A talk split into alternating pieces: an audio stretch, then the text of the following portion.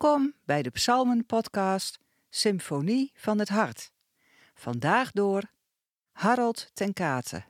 Vandaag lezen we Psalm 137. Aan de rivieren van Babel, daar zaten wij treurend en dachten aan Sion. Aan de wilgen op de oever hingen wij onze lieren. Daar durfden onze bewakers te vragen om een lied.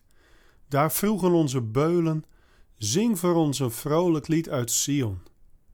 Hoe zouden wij zingen? Een lied van de Heer op vreemde grond? Als ik jou vergeet, Jeruzalem, laat dan mijn hand de snaren vergeten. Laat mijn tong aan mijn gehemelte kleven, als ik niet meer denk aan jou. Als ik Jeruzalem niet stel boven alles wat mij verheugt.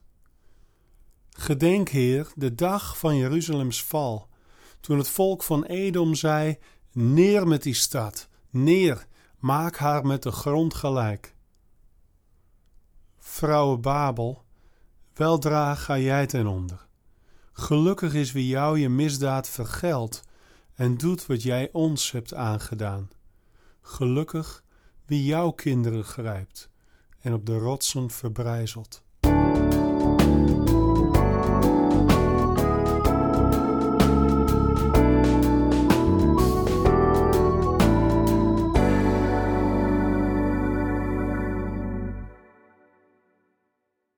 Een journaliste vindt op het strand een aangespoelde fles met een briefje dat haar diep raakt. Ze gaat op zoek naar de schrijver en komt hem op het spoor in een vervallen havendorpje aan de kust. Een weduwnaar die de brief had geschreven aan zijn overleden vrouw. Al gauw is dit meer dan een goed verhaal voor deze journaliste. Natuurlijk groeit er iets tussen de twee, maar voor hem is het moeilijk om zijn hart nog eens te openen, opnieuw lief te hebben, na het verlies van de vrouw die hij zo had liefgehad. De herinnering aan zijn overleden vrouw lijkt tussen hem en een mogelijk nieuwe liefde in te staan. Het verleden heeft hem in een houtgreep vast.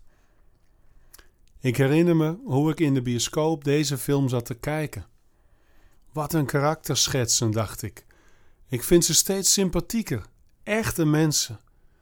Jammer dat ze er straks vast weer zo'n goedkoop happy end aan breien. Natuurlijk gaat hij alsnog om en ze leven nog lang en gelukkig. Maar de film eindigde verrassend. Net als hij al worstelend besloten heeft zijn hart te openen, komt hij om tijdens een reddingsactie op zee. Geen happy end.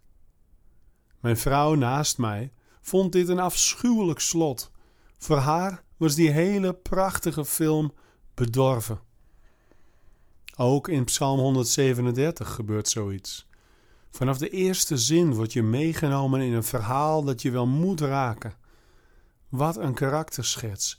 Echte mensen met echt verdriet. Je voelt met ze mee en gaat ze per regel sympathieker vinden. Tot aan dat gruwelijke slotvers. Een soldaat die een baby bij de beentjes pakt en op de rotsen verbrijzelt. De Babyloniërs hadden Jeruzalem verwoest. Veel Joden waren gedeporteerd, getraumatiseerd weggevoerd naar Babel. Weg van alles wat ze lief hadden, dat lag in puin. Nu zitten ze aan de rivieren van Babel, treurend, denkend aan Sion, aan Jeruzalem, aan de tempel waar ze de Heer hadden geloofd Hoeveel vluchtelingen uit Oekraïne of elders kennen vandaag niet een vergelijkbare pijn? Of denk zelfs aan je eigen verliezen. Dit gaat over echte mensen met echte pijn.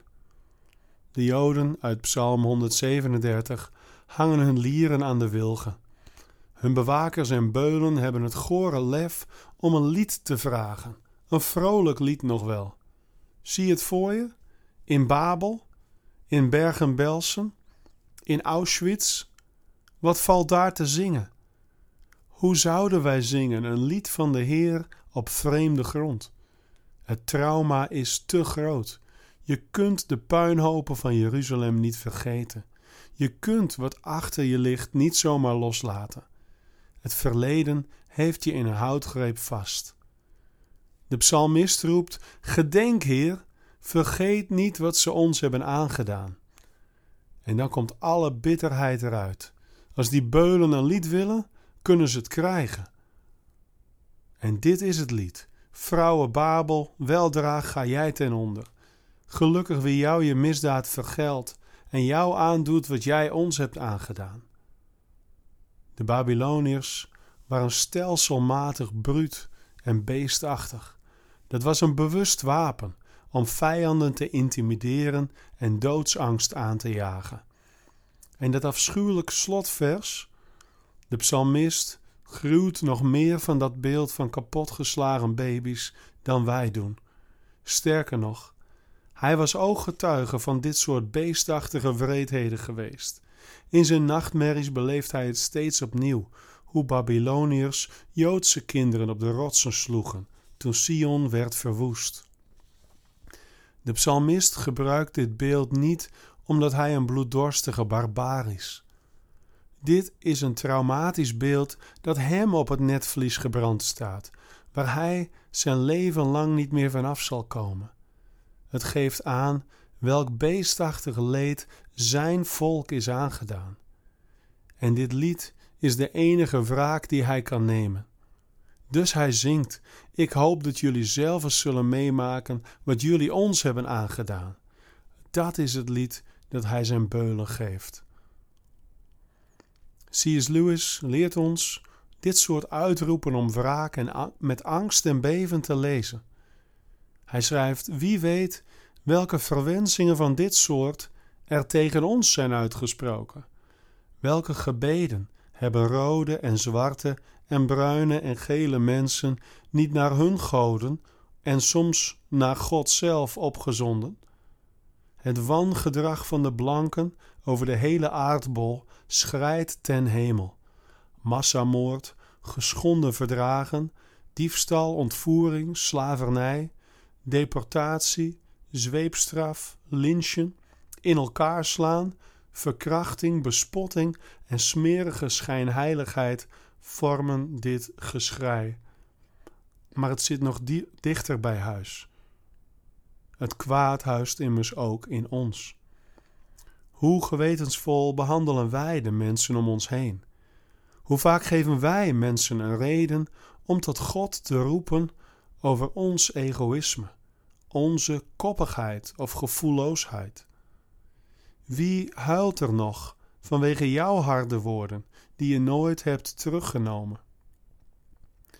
Lewis betrekt dat rauwe slotvers op de innerlijke oorlog. Het juiste doelwit, schrijft hij, van een volstrekte vijandschap kennen we: de slechtheid in onszelf. Hij wijst op die zogenaamd kleine zonden die we in onszelf zo gauw gedogen of vergoelijken, in plaats van ermee af te rekenen. Ik citeer hem nog eenmaal tot slot.